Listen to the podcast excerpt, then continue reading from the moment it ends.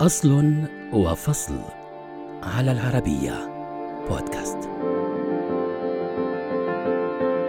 لحظات وتبدأ الكارثة فبينما الطائرة تتهاوى إلى الأرض لتعلن نهايتها هي ومن عليها ستتحول إلى حطام وتقتل كل من كان على متنها. عندها لن يبقى أحد ليروي ما الذي حصل إلا شاهد واحد إنه الصندوق الأسود. عندما نسمع بكلمة حادثة تحطم لطائرة، فإن أول ما نسأل عنه هو الصندوق الأسود، فهو أول ما يتم البحث عنه بعد كل حادثة طيران والشاهد الأول وربما الأخير على كل كارثة تحطم.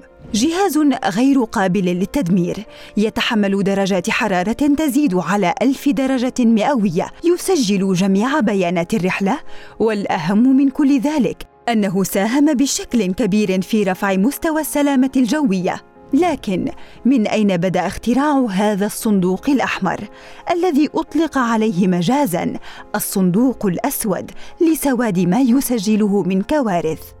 تعود الفكرة الأولى للصندوق الأسود في الطائرات إلى العام 1903 للأخوين رايت اللذين استخدما جهازا شبيها بالصندوق الأسود في رحلاتهما من أجل تسجيل دوران المروحة والمسافة المقطوعة والوقت الذي تقضيه الطائرة في الهواء.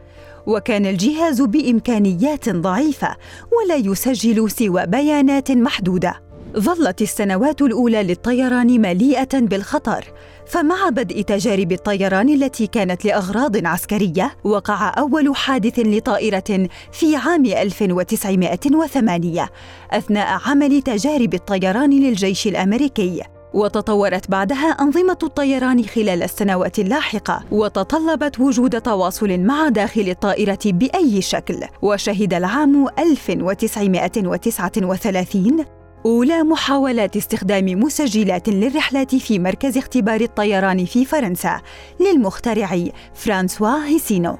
وكان الجهاز يعتمد على تسجيل بيانات الرحلة على فيلم فوتوغرافي بطول ثمانية أمتار وعرض ثمانية وثمانين مليمتراً. واستخدم هذا الاختراع أيضاً في القطارات والمركبات. وفي عام 1942 تم ابتكار مسجل بيانات طيران حديث يسمى ماتا هاري من قبل مهندس الطيران الفنلندي فيغو هيتالا. وكان الجهاز متطورا وقادرا على تسجيل بيانات الرحلات التجريبية للطائرات المقاتلة.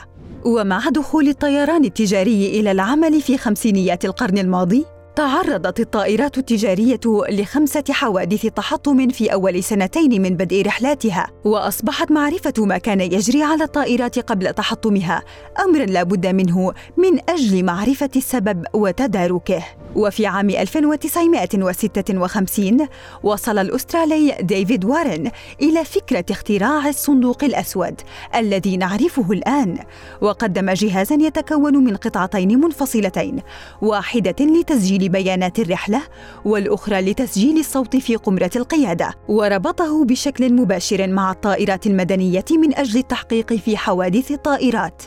لم تعطي شركات الطيران الاهتمام لاختراع وارن في ذلك الوقت إلى أن تبنت بريطانيا هذا الاختراع في عام 1958 وشكلت فريقا يعمل على تصميمه عمليا وأضافوا له علبة مقاومة للحريق والصدمات. ونظاما لتشفير وتسجيل قراءة أجهزة الطائرات والصوت. وكان الاستخدام الأول للجهاز في بريطانيا لاسترداد بيانات حادث طائرة الخطوط البريطانية في ستوكبورت عام 1967 التي راح ضحيتها 72 شخصاً.